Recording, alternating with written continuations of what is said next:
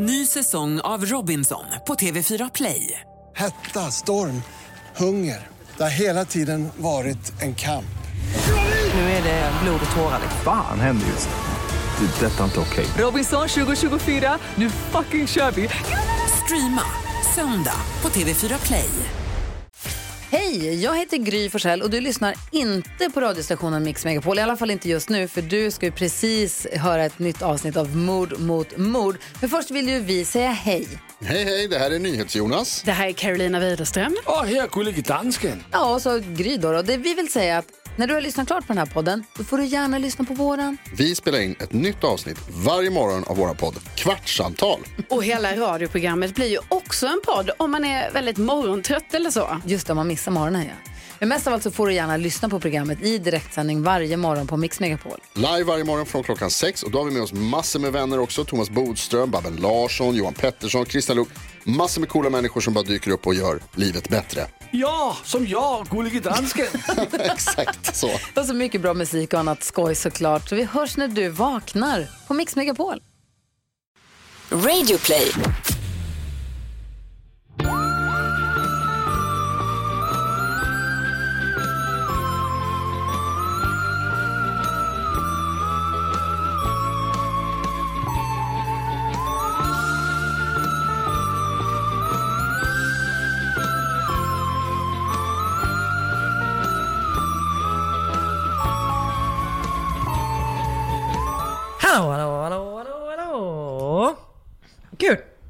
Hej, hej, hej. En helt vanlig inspelning av Mord, mord, mord. Vi är återförenade. Det är så sjukt. Vi har inte setts på Tre veckor. men typ mer tror jag. Men vi måste podda. Nej men. Jag vet inte. Jag vet inte heller. Nej. Men nu är vi här. Just det, jag var hemma hos, Du var hemma var hos hemma mig, hos er. exakt. Mm. Nu är vi hemma hos dig i din nya lägenhet Ja. som är så himla mysig. Tack. Det är det, verkligen det. Tack. Hur känns det? Beskriv, beskriv hur det känns att vara homona. Det känns väldigt bra. Det känns väldigt mysigt. Vi, vi, vi jag och min bebis, antar jag. Ja, du pratar inte för dig och Oskar då? Jag tror att det var det jag gjorde. Men, men det kändes också otrevligt att jag började föra hans talan. Men också otrevligt att utesluta Oskar ur gemenskapen du och din bebis. Vi alla tre ja. Tycker det känns I den lilla eh, familjen. väldigt mycket som hemma. Och Ja. det gjorde det typ redan med en gång. ja, men du sa det typ så första, första dagen nästan. Ja, och det känns jätte, det känns, fortsätter att kännas som hemma. Vi är ju mitt inne i lite olika renoveringsprojekt. Eh, ja. Som, som det känns som att du är lite stressad över. Alltså jag, jag vet ju att jag har extremt dåligt tålamod och att jag vill att allt ska hända på en gång. Men det är också typ att jag känner inte att jag behöver starta upp saker som jag inte tycker är fullkomligt nödvändiga nu. Rimligt. Eh, om, Eller man kan inte starta allting samtidigt. nej, och det är typ lite så här, jag vill ju börja liksom boa inför att, eh, Just inför det. att vår bebis ska komma. Medan Oskar kanske typ mer så vill uh, sluta en vägg. Lite så, att Ja. han är så här, om vi inte gör det nu kommer vi aldrig göra det. Ni kommer, ha ni kommer vara en av de första lägenheterna som har öppet badrum. Exakt. Slutväggen mellan badrummet och Exakt så. vardagsrummet. Så precis, från att vi, jag visste liksom inte ens att vi skulle göra det här som Oskar håller på med just nu, vilket är att skrapa alla fönster och alla dörrar. Vad är det för att man målar om sen då? Okej. Jag vet ju ingenting som du vet. Nej, men- Här i livet. Jag var stolt igår för att jag skruvade ihop en klädhäst, Anna. Väldigt bra. Tack. Och Marcus Jag hoppas- blev också så imponerad. Jag hoppas att ni köpte bättre kvalitet än de som vi har tillfälligt inför att vi får en vanlig lägenhet. Eller Men jag ska bara ha dem i uh, källaren. Okej. För där behöver man Köpte inte. du Clas Ohlson eller? Ja det gjorde jag fan. Var den dålig? Riktigt ranglig alltså. Nej. Alltså, Men ni kanske bara behöver lite hjälp att skruva ihop dem av mig. jag har skruvat ihop en och Kattis, Oskars syster, har skruvat ihop en. Det blir bra. Vars. Men, eh, nej men för vi ska ju bygga garderob. Just det.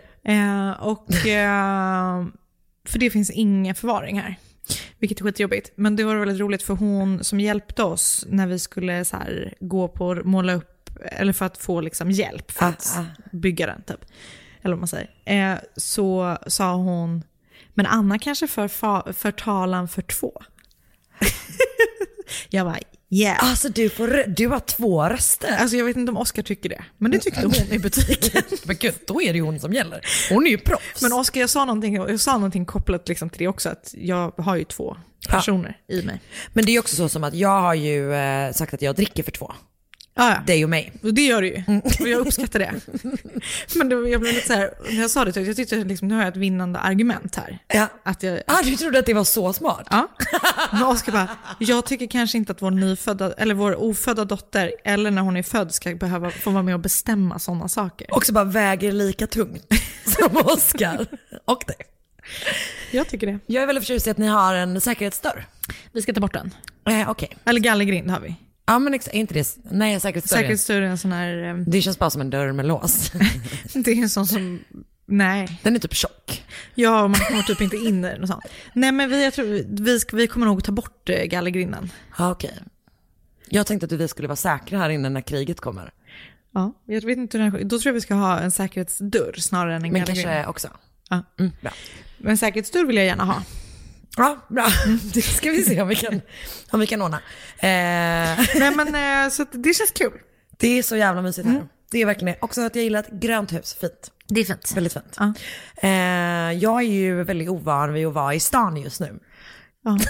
Jag Eftersom jag det. håller mig i mitt Årsta. Men det är ju jättehärligt och då upptäcka en ny stadsdel. Det är väldigt, väldigt mysigt. Och det känns mer, alltså det är ju mer liksom, Men det är lite mer som att ni bor i en liten småstad nu ja, tänker jag. och det är ju typ därför vi ville flytta dit Men jag tänker att eh, Kristineberg, där ni bodde innan, Fredhäll, ja. ja, Fredhäll, Ja. sorry, är, var lite liknande på det sättet. Fast där finns ju inget. Nej, nej det är sant. Förutom ett ställe, eh, att en kiosk har öppnat har by- byggts om till en eh, Philly cheesesteak eh, affär.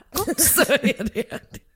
Och så finns det ju bad, det är det enda. Ja. Men här, det känns, man kan leva ett liv där, där Mm. vi bor nu. Så mysigt. Och det kan man ju här med uppenbarligen, det kan man. här är en stad. Ja. Men jag tänkte på det häromdagen för då susade jag förbi Årsta när jag hade varit ute och ehm, beställt färg. Ja. Eh, för att eh, de som jag handlar färg av, Engvall och Claesson, de sitter i Bandhagen. Claes. Ja, bra. Har, vänta, har du fått spons? Nej, För, har du betalt för att nämna Engvall och Claesson? men det ska bli väldigt, det, det är... ehm, Eh, det är färger som inte släpper ifrån sig några, liksom, det, det, det, det är nyttiga färger, eller vad man säger. för vem? För mig, för oss som bor här hemma. Ah, okej. Vad är de andra onyttiga? Alltså, förr så fanns det ju plastfärg och sånt. Nu, Ja, men- det låter inte bra. Det är inte bra. Nej. Nu, nu, nu så säger ju alla att alla färger är bra, men det här är liksom lite mer naturliga färger. Bra. Så att det var kul. Det ska Då bli- åkte du förbi mig? Är det det åkte- då, och det var roligt för då, jag, jag har ju inte hängt så mycket där ute. Men då kände jag igen mig från den gången jag körde hem till dig. Just det.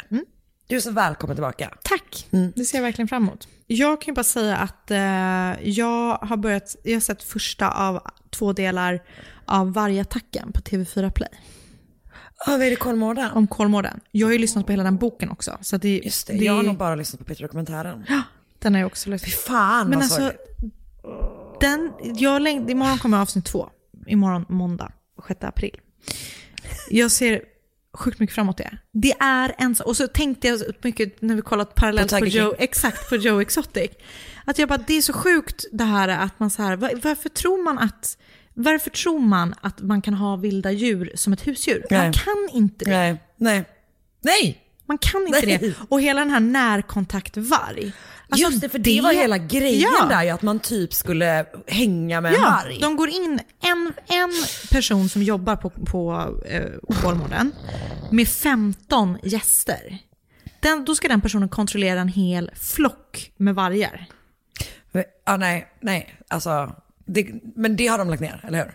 Det Jag tror att de gjorde det Ja. efter den grejen typ. Ja usch det är jättehemskt. Det är så bisarrt i alla fall. Men det är väldigt, den är bra. Min det, mamma, det är ju en spännande historia. Min, min morfar hade ju en kompis som hade, vänta, är det här en skröna? Eventuellt, skitsamma. Mm. Ett lejon i trädgården.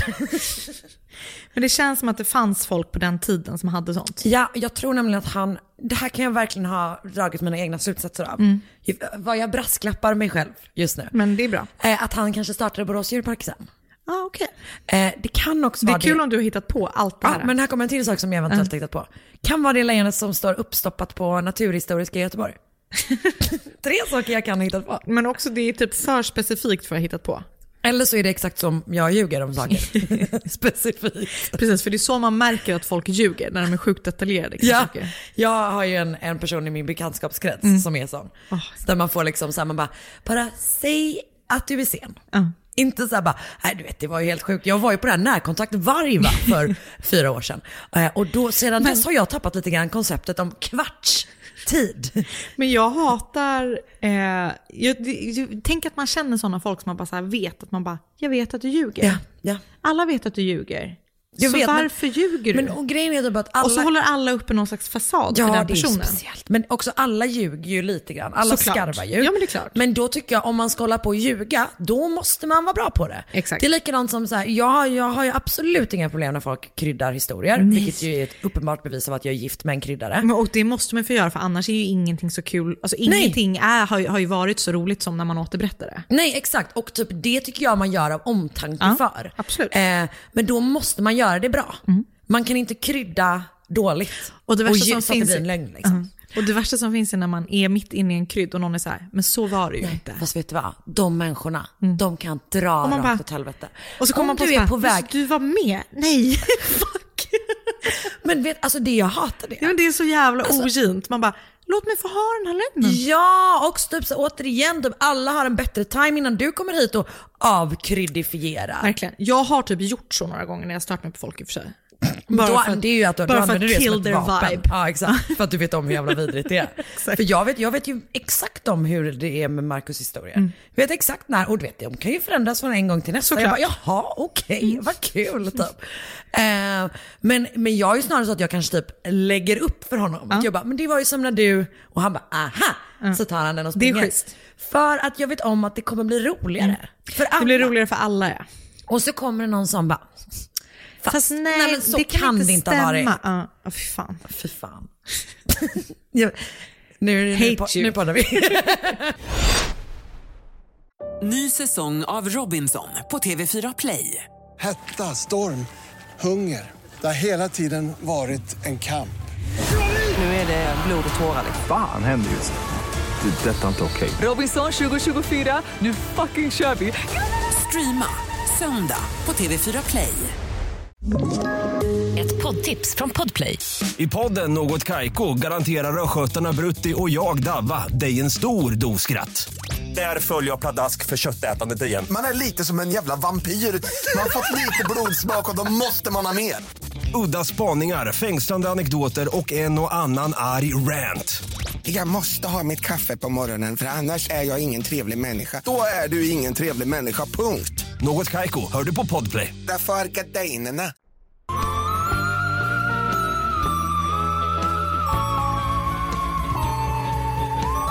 Okej, jag fick eh, det här tipset på Instagram igår. Du vet när man liksom så här, man får, vi får ju ganska mycket tips. Och vissa gånger så är det ju någonting som bara griper tag i en direkt. Och så är man så här, japp, det här vill jag, måste jag läsa allting om. Det här var ett sånt. Så tack snälla till den personen som tipsade om det. Finskt fall. Spännande. Jag vet inte, har vi varit i Finland? Vet inte. Eller alltså, Jag har varit i Finland fysiskt. Det har jag med. Men rent eh, i podden? Vet inte. inte. Vet inte. Ehm, så vi börjar från början. Margit eh, Ninninen eh, föddes den 18 januari 1905. Hon var, eh, hennes mamma var ensamstående och ehm, hon skulle typ lång, först långt senare träffa sin biologiska pappa första gången. Eh, jag läste någonstans att typ så här, det stod ett frågetecken i hennes födelse- födelseattest på vem som var Ah, hennes okej. pappa.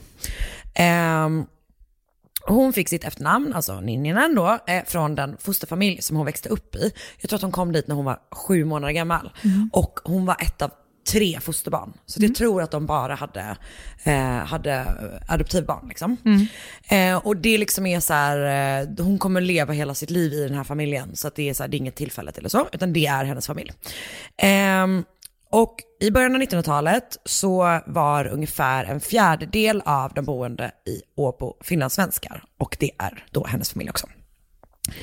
Eh, Margit växer upp, eh, hon är hon beskriver sig själv som typ så väldigt snäll, tillbakadragen, liksom, li- typ lite kuvad nästan. Och framförallt väldigt så här, eh, kuvad inför auktoritet, auktoriteter. Ak- Ja. Mm. Jag var på väg att säga au- auktoritäter. Som, Nej, som som potäter. Ehm, Men hon är smart, hon är begåvad och eh, hon börjar plugga på Åbo Akademi som är alltså ett finlandssvenskt universitet. Och, Där har min kollega gått. Mm, Okej. Eh, och hon har liksom eh, kanon, verkar det som Mm. ändå. Hon är väldigt vacker och hon skriver senare så här. Den första terminen ett intensivt nöjesliv. Danser, maskerader, uppvaktande kavaljerer och praktiskt taget inga intellektuella intressen. Jajamän. Vilket typ ändå så här, det känns som att det ändå, Så härligt. just inga intellektuella intressen är så starkt sätt att beskriva sin början Det känns som allas, allas första termin på universitetet. Inga intellektuella intressen. Ehm, så hon läser i alla fall filosofi och litteratur. Och efter den här första terminen så, så händer en sak som gör att hon drar sig undan från det här nöjeslivet. Mer om det nu. Eh, för hon behöver pengar. Och, alltså för att, så här, jag tror att det är för att hon ska kunna fortsätta plugga helt enkelt. Och, eh, och därför behöver hon då skaffa ett jobb vid sidan av sina studier. Så våren 1924, hon är 19 år gammal, eh, då har hon turen att bli anställd som assistent på Industri Engros affär. Vilket låter som en sån jävla Jönssonligan Men det känns Target. väldigt, det känns väldigt så finskt. Engros, eller liksom bara hela grejen. Nej men liksom att det är så här, det känns, det känns som en finlandssvensk, de är, det känns, lite allting, med, allting som är, eh, är så finlandssvenskt Ja. känns lite gammeldags. Men det här är ju också gammaldags. Jag vet. Det är 1924. Okej, ja men då var det kanske så i Sverige också. Ja. Det var ju precis, 1924 var väl allt gammeldags då, för att det var För det var gammalt. Ja. Just det.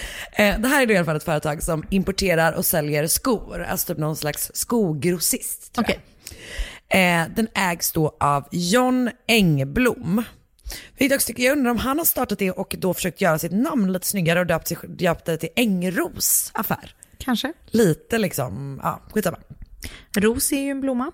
Sant, sant, sant. Eh, John är lite känd i Åbos finlandssvenska kretsar. Han, för han är liksom rik och framgångsrik. Så han har, jag tror att han har, han äger något hus och typ en lägenhet i stan liksom. Eh, och han har en familj, han har en fru och han har två söner. Eh, han, är, han äger inte bara det här skoföretaget, han har haft lite andra företag, han har varit inne i, i eh, finska militären och så här. Han är ganska liksom framstående. Han är också känd för att han kör en röd bil. Eh, Vilket märke? Eh, jag vet inte. Okej. Nu när jag tänker efter får jag för mig att det är Fiat. Men det låter så himla Det osexigt. känns så tråkigt. Jag önskar att det var en röd Corvette. Men det, är så jag, så för, det var verkligen så jag föreställde mig att det var. En röd Fiat. Nej, en röd, En röd Corvette. Corvette, ja. Men var Fiat som Corvette på den tiden? jag tror inte. Okej, vet du vad? Jag, har, inte- jag vet att det var röd. Ja. Och jag vet att han... Röda bilar är snabbare än alla andra bilar ändå. Det är sant. Det är verkligen sant. Det är vetenskapligt bevisat. Mm. Ehm, han är liksom så här, ja men du vet, ehm, så här, han är om, han har mycket vänner, han är Mm. ofta ute och liksom äter restaurang, äter på restauranger med sina, sina kompisar och är liksom lite så här. jag tänker mig att han är bullrig, en sån som man hör och ser Mm. typ. Ehm, han är också, som vad folk brukar beskriva som så här, förtjust i damer. Ja, det känner man igen. Ja. Ehm, han är lite av ett eh, äckel, Ja. kan man säga. Han tyckte om kvinnor. Jag tycker, alltså baserat på det som eh, snart kommer hända, så vet jag inte om han tycker om kvinnor så himla mycket. Som att han kanske, Han vill äga kvinnor. han vill kanske äga kvinnor, han vill eh, kanske ligga med kvinnor, han vill ha makt över kvinnor typ. Så en dag eh, ber John då Margit stanna kvar sent på jobbet. Ehm, och hon liksom gör som hon blir tillsagd, det är Såklart. hennes chef. Och Som jag säger till min mamma när hon eh, tycker att jag måste hålla mig hemma nu i coronatider. Jag kan inte arbetsvägra när jag blir beordrad att åka till jobbet. Nej, det är sant. Ja, Margit. Men jag tycker att du borde. Och jag tycker också att Margit borde. Ja. Eh, för det som händer är att alla andra har gått hem när... Eh, Obs! Din, jag har inte en sån äcklig chef som tvingar mig. Nej, nej, nej. Nej. Och, nej, exakt. Det kan vi ändå Då vara. har jag det sagt. Ja, bra. Ehm, alla andra har gått hem, Margit och John är kvar, han kallar in henne på sitt kontor. Hur gammal är han? Han är kanske typ, hon är väl nu då 19 och säger att han är typ 15, jag skulle säga att han är mellan 15 och 17 år äldre. Något liksom sådär. Ehm, Så inte lastgammal. han är inte jättegammal, Men- han är, men mycket han är äldre, mycket, mycket, äldre och mycket har ju äldre all liksom, makt över henne med uppenbarligen. Ja, ja, absolut. Eh, sluta försvara. Nej det gör du, det gör du absolut Det gör jag inte. Eh, senare, jag, jag har lyssnat på eh, två och ett halvt av fyra avsnitt av Finlandssvenska krimpoddens serie om det här Ooh. fallet. Som är jätte, jättebra. Jag ska berätta mer om vem som har gjort den och så senare. Men den är verkligen asbra. Så jag tycker Okej, verkligen man kan lyssna kul. på den. Och i den så är både eh, Margits son med och även Johns barnbarn. Okej. Så att man får höra liksom dem och deras typ olika bild av det. Det ska jag verkligen lyssna på, för Eh. jag älskar finlandssvenska. Ja, ja men det, och det, det, här, är, det här är en jätteintressant historia. med. Ehm, så Margits son säger senare att typ så här, att det har beskrivits för honom att, som att Margit var så oerfaren att hon liksom inte visste om det i lagens namn ansågs vara en våldtäkt. Nej. Alltså är det, så här, är det en fullbordad våldtäkt? Eh, men hon upplevde som det som en våldtäkt, säger de också. Man bara, ja, Då då, var det. en våldtäkt.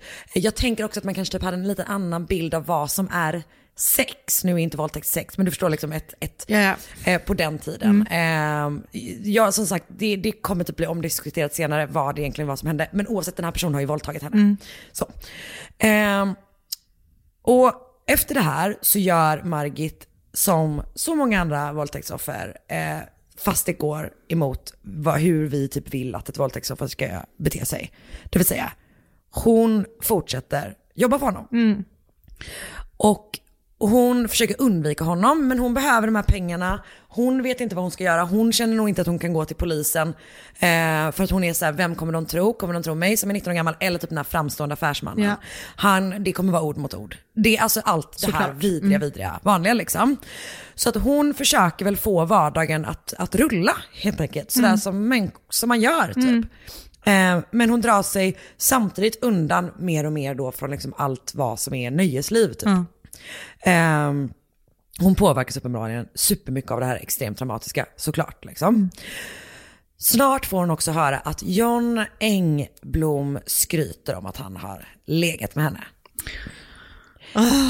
Han beskriver henne bland annat som eldig och skön. Oh, fan, jag kräks. Är det så äckligt? Hon mår liksom bara sämre och sämre, såklart. Eh, och hon är liksom också rädd för hur det här ryktet då som han håller på att sprida om henne som liksom en lösaktig kvinna typ. Eh, hur det ska påverka hennes framtid. Hon är liksom som sagt supermedveten om maktbalansen mellan dem.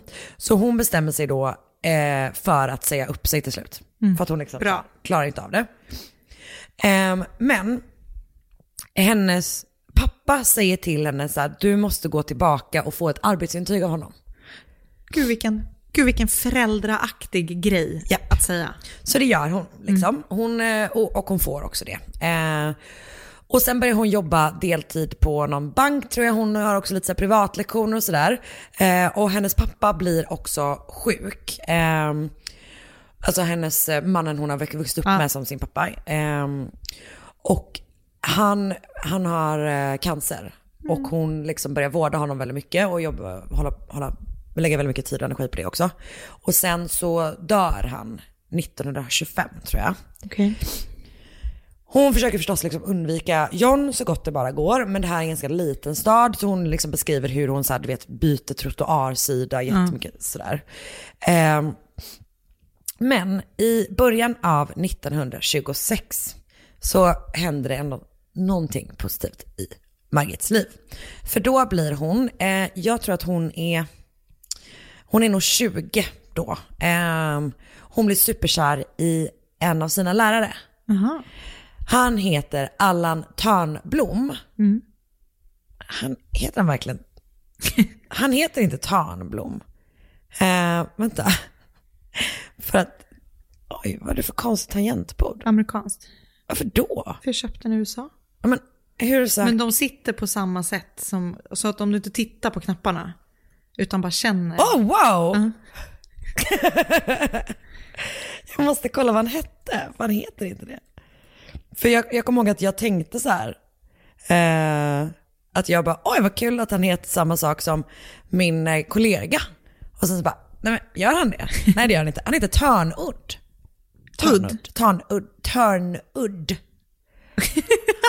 alltså varför tappade jag talförmågan? Gud. Han heter Allan Törnudd.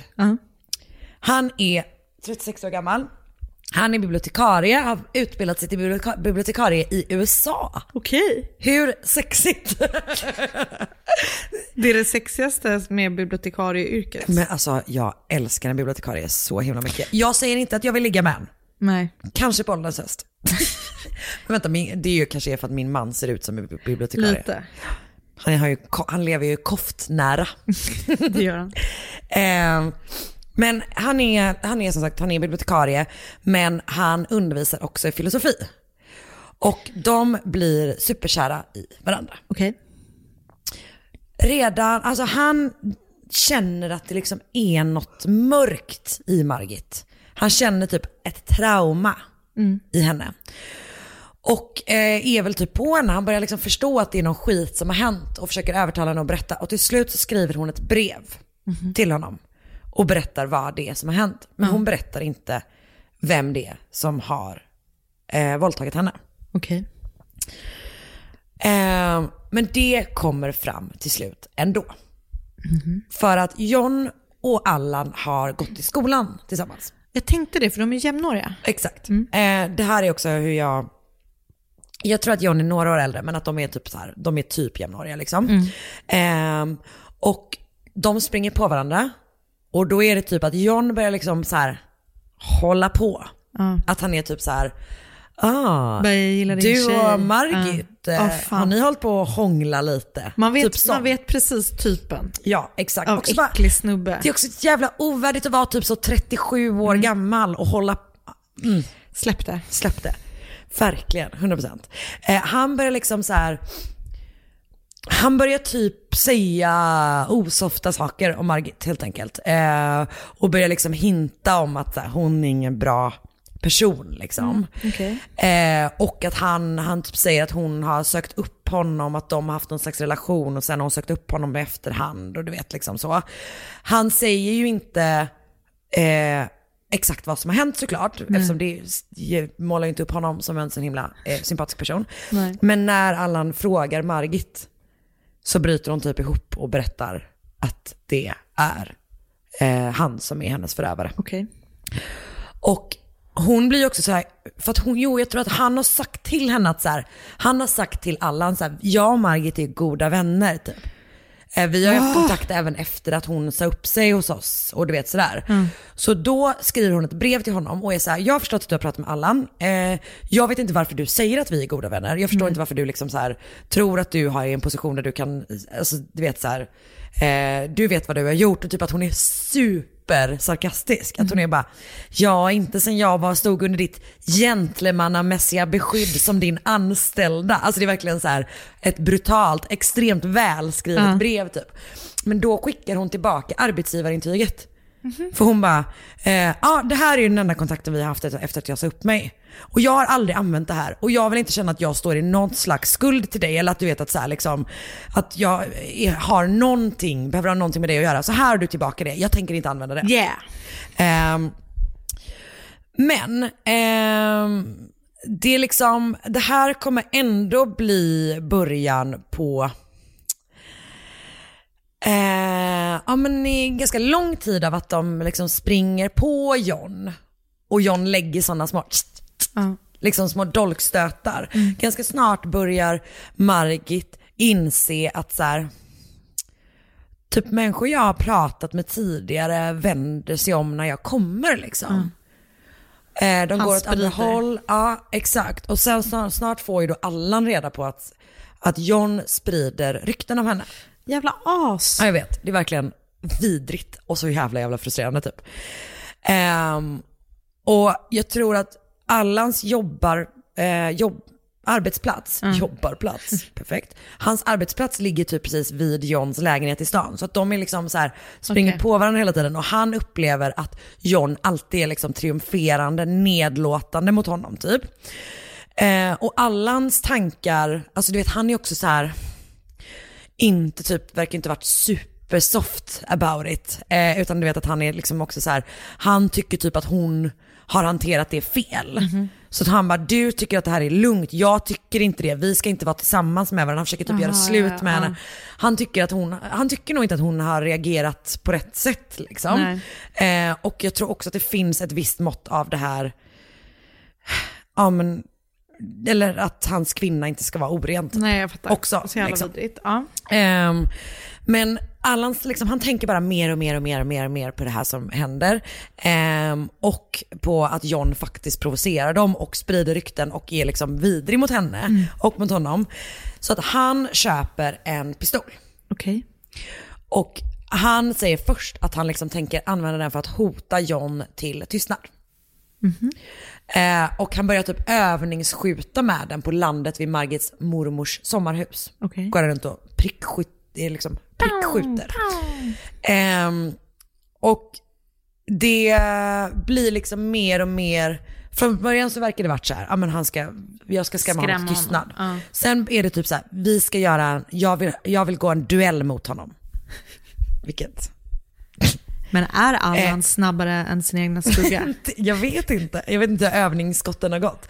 Och du vet Margit verkar vara liksom så här, hon bara, men gud alltså John kommer tycka att du är en sån jävla tönt och dessutom, det är olagligt med dueller. Alltså du vet liksom så här, hon tycker att det är en skitdum idé. Han har också en tanke om att han ska skjuta honom på öppen gata och sen slänga tyska sedlar runt honom för att få det fram som att en tysk har varit inblandad.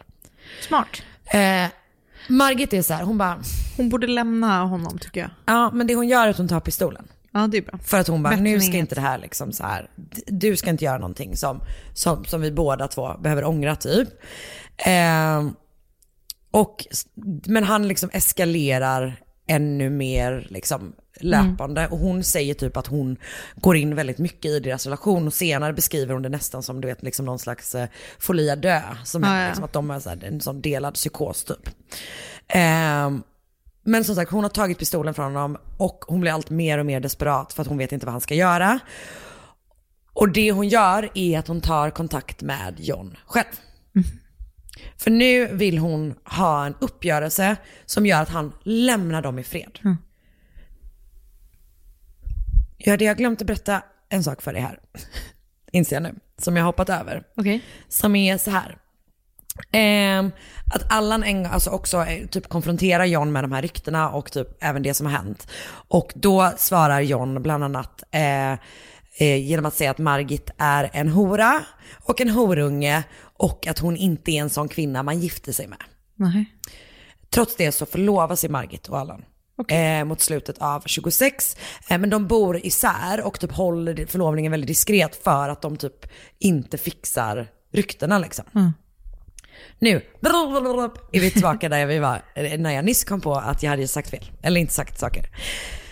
Hon tar kontakt med John. Hon vill komma till en överenskommelse som gör att han lämnar dem i fred så att de kan liksom så här få inleda sina liv tillsammans typ utan att det här ska hänga över dem.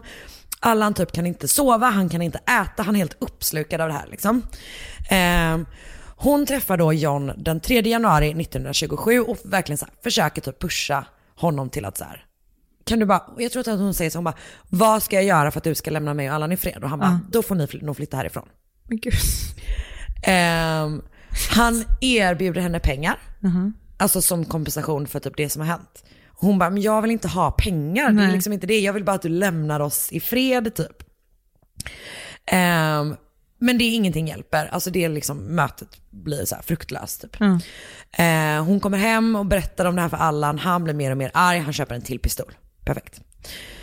Margit är liksom fortsatt superorolig för vad som ska hända typ. Så tio dagar senare så bestämmer hon träff med John igen. Den här gången, de ska ses i Vårdbergsparken och möts nära Navigationsskolan. Ser man. Eh, för att liksom ta upp det här samtalet igen typ. Klockan är typ mellan 10 och halv 11 på kvällen.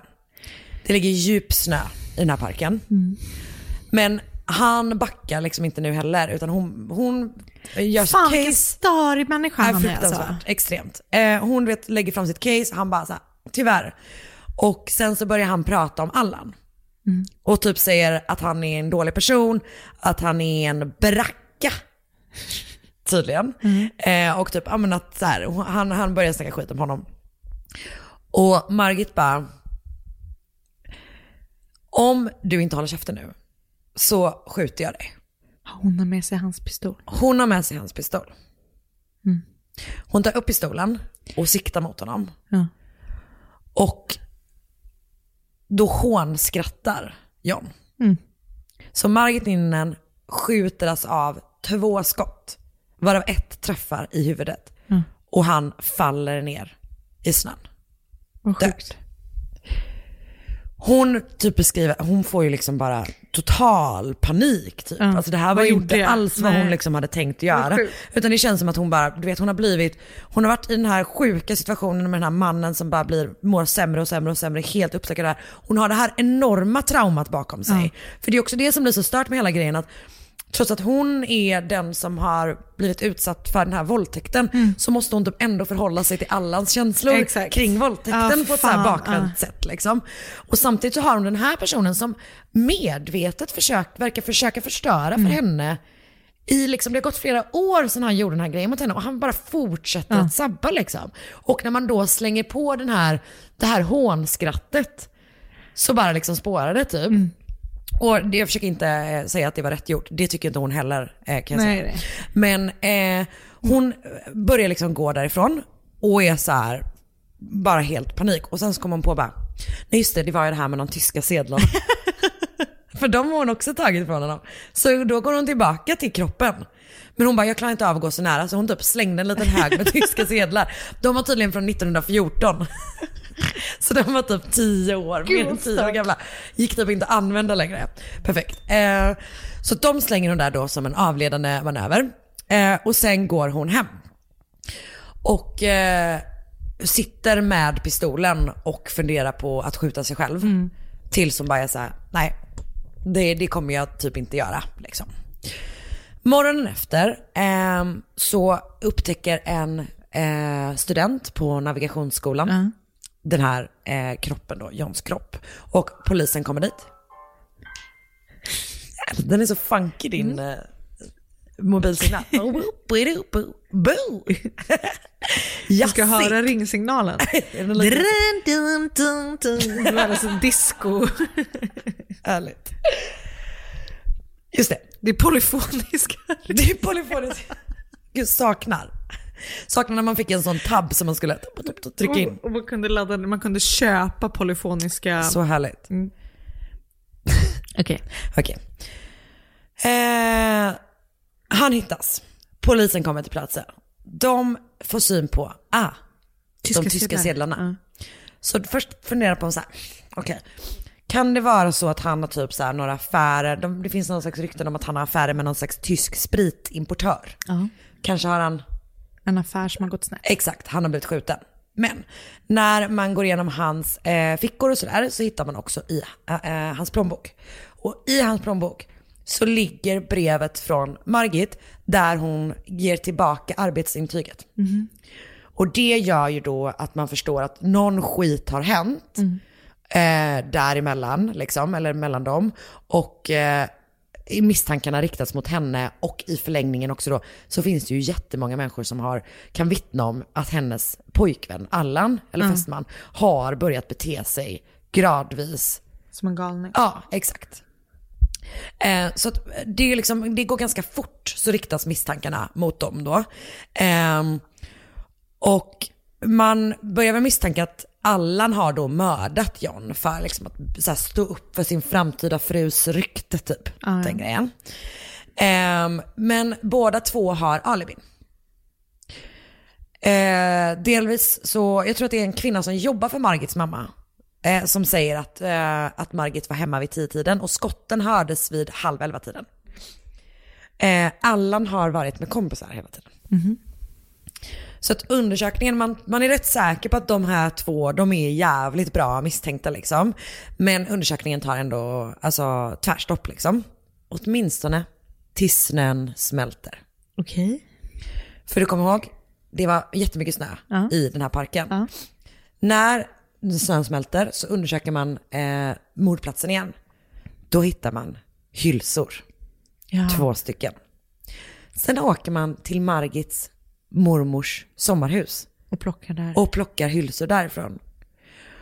Och sen kan man liksom för första gången någonsin i en finsk, i finsk kriminalhistoria undersöka och jämföra hylsorna.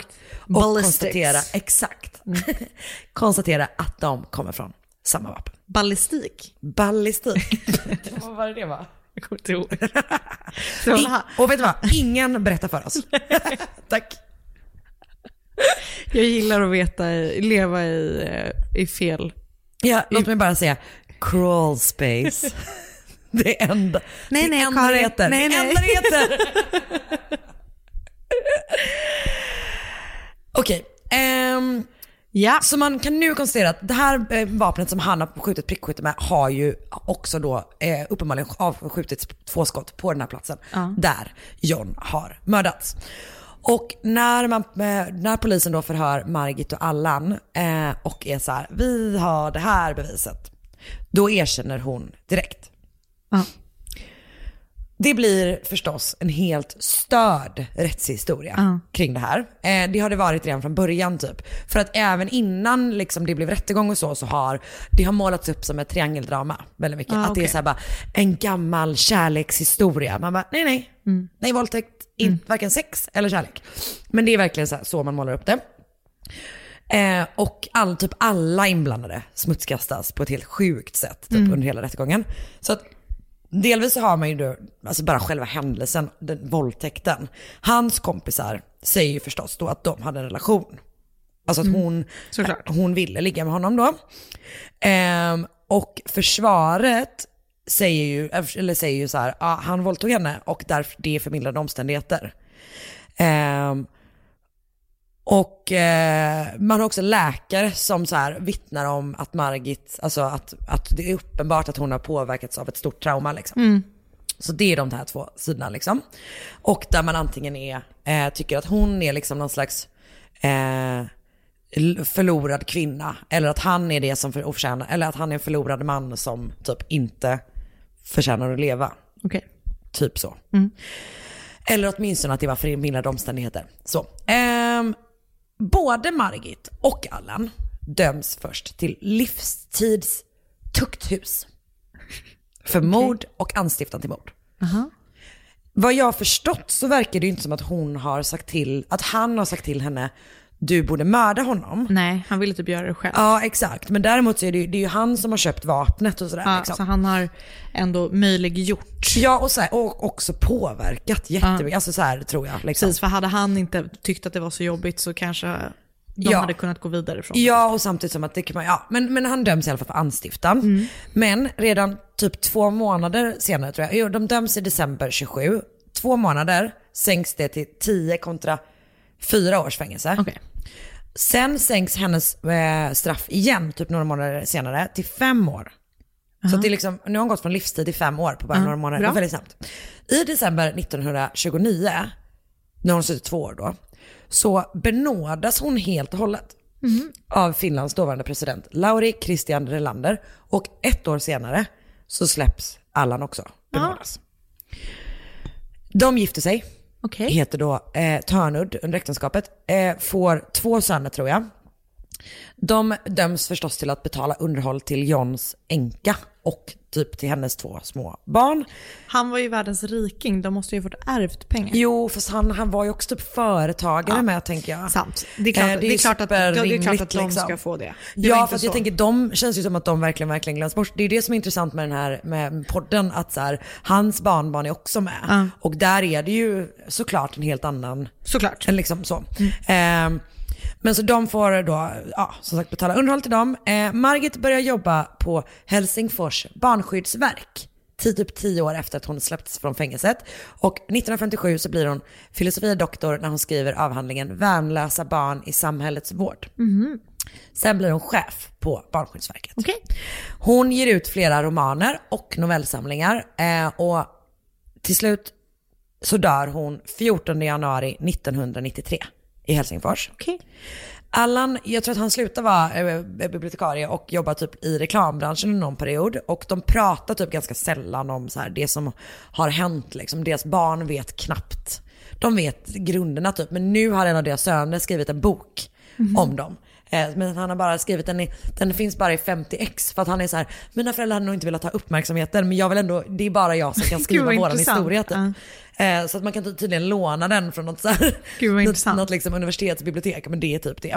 Han är också med i podden. Eh, och Margit har redan från början, alltså redan under rättegången, liksom tagit väldigt tydligt avstånd och uttryckt ånger Mm. för det hon har gjort. Och hon har också varit typ så här, Allan säger ju typ att det här är rättfärdigt, det håller inte jag med om. Och hon eh, säger också bland annat så här. Jag beklagar att jag genom att ge, ge vika för en affekt kom, kommit att begå en handling som jag i själva verket känner avsky och vämjelse för. Okej.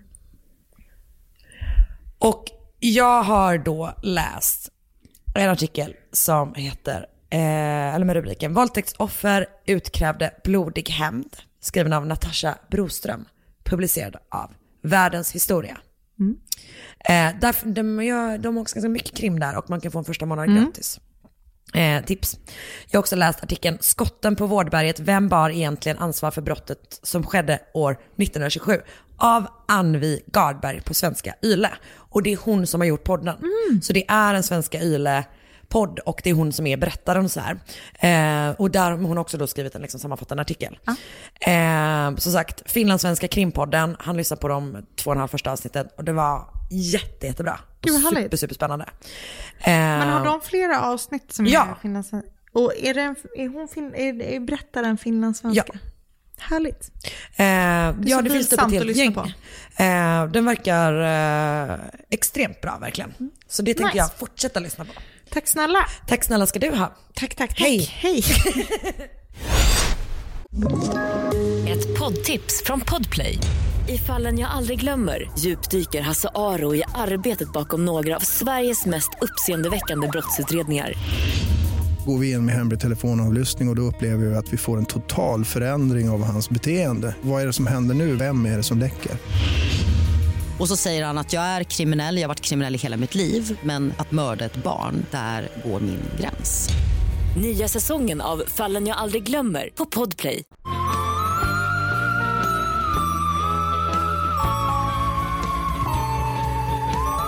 Är du beredd? Jag är beredd. Eftersom du inte svarade. Jag nickade. Nickade, ja, men det var ingen som hörde. Nej just det, just det. Jag är beredd. Jag tänkte på det också att jag någon gång under ditt fall gjorde så här. Som en reaktion. Men, det, Men alltså den reaktionen var så tydlig att man ändå hörde den Att man fast du bara gjorde det med facet. Ni vet. Ni vet. Eh, Okej. Travis Alexander. Det jag ska också säga. Eh, det här är också ett tips som jag också fick igår. Men, Gud, bra tips det senaste. Ja. Bra jobbat Det, väldigt, jag, jag, blev- det var kul. Ehm, Travis Alexander föddes dagen före min födelsedag, 12 år före jag föddes. Alltså den 28 juli 1977. Ja. Han föddes i Riverside, California. Och eh, båda hans föräldrar hade problem med droger, med metamfetamin. Eh, och det verkar som att hans pappa hade det först och att han typ aldrig var hemma eller att han liksom var så useless, verkligen. Han var ingen stark fadersfigur direkt. Nej. Och att han då fick med hans mamma på, på beroendet också. Eh, och liksom, de var inga bra föräldrar. För pappan slog mamman som i sin- i sin tur slog barnen. Och de, de var totalt åtta syskon, så var Travis och sju syskon. Och när de inte var höga då på metamfetamin så sov de, jag kan väldigt lite om knark generellt, eh, metamfetamin specifikt kanske. Men jag kan ju väldigt mycket om knark. Precis, och framförallt... eh, Och lite, ja, med metamfetamin, eh, eller meth. eftersom jag har haft ett labb. Nej men... Eh, Som jag har sett hela Breaking Bad. ja, jag älskar den. jag tycker att han är lite lik min pappa. Heisenberg i början när han är så misslyckad typ. Eller jag, Din, nej men, din pappa som är så lyckad. Ja det är han verkligen. Jag, menar, jag menar det inte så. Skit i det. Ja. Släpp det. Ehm, men eh, så när de inte var höga så sov de alltså typ flera dagar i sträck. Man blir tydligen väldigt trött av det om man liksom inte upprätthåller ett jämnt rus. Liksom. En sak som jag lärde mig också är att Alltså det har man ju förstått för att eh, det är många som har problem med metamfetamin som har dåliga tänder men att det verkligen sätter sig på tänderna. Just det kan man ju det. lära i Joe Exotic. Exakt, de pratar om det. Ehm, det är så mycket i den som man Ja, jag vet. Man lär sig så mycket. Ja. Eh, så de sov liksom flera dagar i sträck och barnen hade ju då typ ingen som kunde laga mat åt dem och typ Travis har berättat att så här, eh, typ de hittade, så här, hittade mögligt bröd som var det enda de kunde äta så de åt det och typ du vet att de verkligen så försökte reda sig själva barnen typ. Till slut blir det i alla fall hela familjen vräkta från det här huset som de bodde i för att de betalade väl aldrig räkningarna och det var så här tydligen sjukt smutsigt och äckligt i huset. Så de flyttar då in till deras eh, moster eller fasters liksom baks, alltså på hus, alltså huset fast liksom på gården typ, där de bodde. Eh, där de verkar bo typ i garaget. Och de är Eh, åtta syskon, sa vi det? Ja. Eh, och han och hans syskon, de blev ju typ så här, eh, de blev ju typ aldrig badade, alltså föräldrarna tvättade typ inte kläderna. Så att även i skolan så hade de ju, det är så sjukt tufft för att barn är ju vidriga som mobbar barn som har det svårt ofta. Ehm, så, men när han var typ 11 så flyttade han till slut till sin farmor och farfar. Och någonstans läste jag att det typ dröjde tio år innan de andra syskonen flyttade dit också. Men jag vet inte det, för det verkar typ troligt att så här, alla fick komma dit. Och där verkar det liksom, där får han så här, en bra vanlig uppväxt. Typ. Han är, och innan han har fått flytta dit så, eh, jag har läst jag läst Travis Alexanders egna blogg.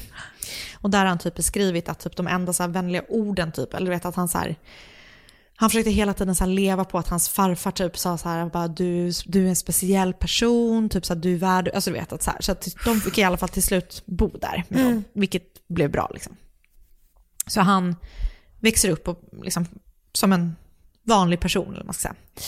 Eh, som vuxen så börjar han jobba med eh, försäljning för ett företag som heter Prepaid Legal Service, eh, som är då ett företag som säljer just legala Prepaid legal service. Exakt. Eh, och han var även eh, motivational speaker för dem. Så han verkar ha varit någon så här eh, ganska framstående sales rep för dem. Och typ åkt runt på så konferenser och eh, jag, jag, det verkar som att det här är typ en ganska stor grej där, prepaid legal services. Jag fattar inte riktigt vad det är. Men det känns, som att det, det känns som att det pågår så mycket så här rättsprocesser i USA. ja. Som är så stora och små, men väldigt många små på ett sätt som det inte gör i Sverige. Ja, verkligen. Förstår du? Typ när man ramlar på McDonalds. Alltså, ja, exakt, man har stämningar Exakt. och sånt. Liksom. Exakt. Det känns som att man, att man mer kan hålla på Exakt. i det amerikanska rättssystemet. Så jag tänker att det är någonting sånt. Ja. Ehm, och eh, han var då också som vuxen, eller jag vet inte om han, om han var det liksom genom hela livet eller från och med att han flyttade till sin farmor och farfar, eller om han fann tron som vuxen. Men han var väldigt aktiv och så hängiven medlem i eh, mormonkyrkan som vuxen. Eh, Jody Ann Aria föddes den 9 juli 1980 eh, i Salina. S- Salinas i Kalifornien. Sa du att hon hette, sa du? Jody Ann Aria. Ja. Eh, hon hade fyra syskon och en mamma och pappa. Varför ser det ut sådär? Eva. Ja, berätta. Eh, har, du, har du sett någon av alla de här dokumentärerna som finns om henne? Nej, jag har inte det. Alltså jag vet ju om lite om fallet. Men jag har inte, jag har aldrig eh, gone deep. Nej. Så jag är jätteglad. Det är det därför jag sitter så här. Eh, nu. det finns så himla mycket material så det känns som att om man, liksom, eh, om man eh, förtär mycket true crime så kan man mycket Ja. väl veta ganska mycket om det här. Eh, men i alla fall, hon föddes då där i Salinas, California. Och hon har fyra syskon och en mamma och pappa. Och enligt henne själv så slog hennes föräldrar henne, men det verkar inte finnas någonting som styrker det. Hon hoppade av high school för att hon ville eh, syssla med fotografering på heltid. Och eh, hon hade börjat liksom så här, intressera sig för foto redan som tioåring. Så att liksom hon, det var så en dröm som hon ville pursua. Så samtidigt som hon då ska börja liksom pyssla med fotografering på heltid eh, så tar... Eller high school. Vad sa du? Man kan ju gå ut high school först. Ja. Ja. Hon gick, hoppade av i elfte klass. ja. Hur gammal är man då tror du? Jag tror typ 17. Hittar Eller- du på eller vet du? Lite mittemellan. Typ 18 kanske. Ja. För, för jag vet, nästa grej är när hon är 19. Eh, Bra. så är, liksom vid sidan om att då försöka så här, syssla he, liksom helt och hållet med fotografering så tar hon jobb på en restaurang i Carmel eh, och där, ehm, ja, liksom för att antar jag liksom få in några liksom fasta pengar typ. Eh, och efter ett tag så börjar hon dejta han som var food and beverage manager, vilket är den töntigaste titeln. Ja. Jag hatar den så mycket. eh, som var en, namn vid, eh, en man vid namn Daryl Brewer, som var då 19 år äldre än hennes 21 år. Just det. Så nu är hon 21. Men och hon- han är 40. han är 40, precis. Eh, tillsammans, eller hon kanske har jobbat där längre, men när de börjar dejta så är hon 21 och han är 40. Eh, tillsammans så köper de då ett hus. Och eh, för att dryga ut kassan ännu mer, och jag antar att hon sysslar med foto liksom hela tiden. Men hon jobbar på restaurangen och för att, liksom, en, för att få ännu mer pengar typ, eller du vet så, göra någonting mera, så börjar hon också jobba på prepaid legal services. Och hon, men- Vägar korsas. Precis, men hon jobbar kvar på restaurangen också. Men istället för att typ så här spara pengar som hon får in via sitt nya jobb så börjar hon istället bete sig så här helt ansvarslöst ekonomiskt. Alltså, Bra, bra. Hon börjar typ så här köpa massa konstiga grejer. Alltså du vet, hon, jag läste någonstans att hon typ så här investerade i ett par nya silikonbröst. Det är en investering för framtiden. Absolut. Det är det de brukar säga, man ska investera i fastigheter eller silikonbröst. Och det är precis det jag gör. eh, nej men det är ju Nu helt när du har lägenheten. Jag menar det, nu är det bara det ju, bröst. nu är det ju bara att... Tits and ass, tits and ass. Tits and ass and real estate. ja. Ehm, nej men det, det, man får ju såklart göra vad man vill. Det, det kan vi ändå vara tydliga med, att man får det. Absolut. Ja. Eh, men, men det var typ det enda, det var så här, jag läste att hon började bete sig så väldigt ansvarslöst. Började... Och det var det enda exemplet som den, artikeln hade givit. Hon shoppade säkert mycket också. Ja, och jag, precis. Hon gjorde väl så konstiga köp och sånt, tänker jag. Som man gör när man börjar tjäna pengar. Ja. Jag, Kul äl- det. jag älskar alla sådana memes. Bara så här, när du har fått din lön och köpt någonting riktigt onödigt. Att jag, känner, jag känner igen mig i alla dem. Typ när man ser en hund med en så konstig hatt. Typ. eh, precis. Eh, hon struntar i typ allt ekonomiskt ansvar. Eh, det tycker typ säkert inte Daryl är så himla kul för de har ju precis köpt ett hus ihop. Eh, och i samma veva som hon då har det här nya jobbet och hon liksom börjar så här hålla på, så börjar hon också bli aktiv inom eh, mormonkyrkan. Vilket fick eh, Jodie att inse då att hon inte längre ville ha en sexuellt aktiv relation med Daryl. För att hon vill istället spara sig själv till den man som hon så småningom ska sig med. Mm. Eh, och i november 2006 så genomgick Jodie ett vuxendop i den mormonska kyrkan. Ja. Och jag vet inte om det är typ det som är, jag försökte läsa på lite men jag hittade inte någonting om den, jag hittade någon svensk typ motsvarighet. Men är det när man går ner i en sån? Ja, och jag tror att det liksom är det som gör att man liksom Blir går med i kyrkan. Ah, just det, just det. Exakt. Ehm, precis. Och Daryl vill då gärna flytta från Carmel, från deras nya hus, till Monterey.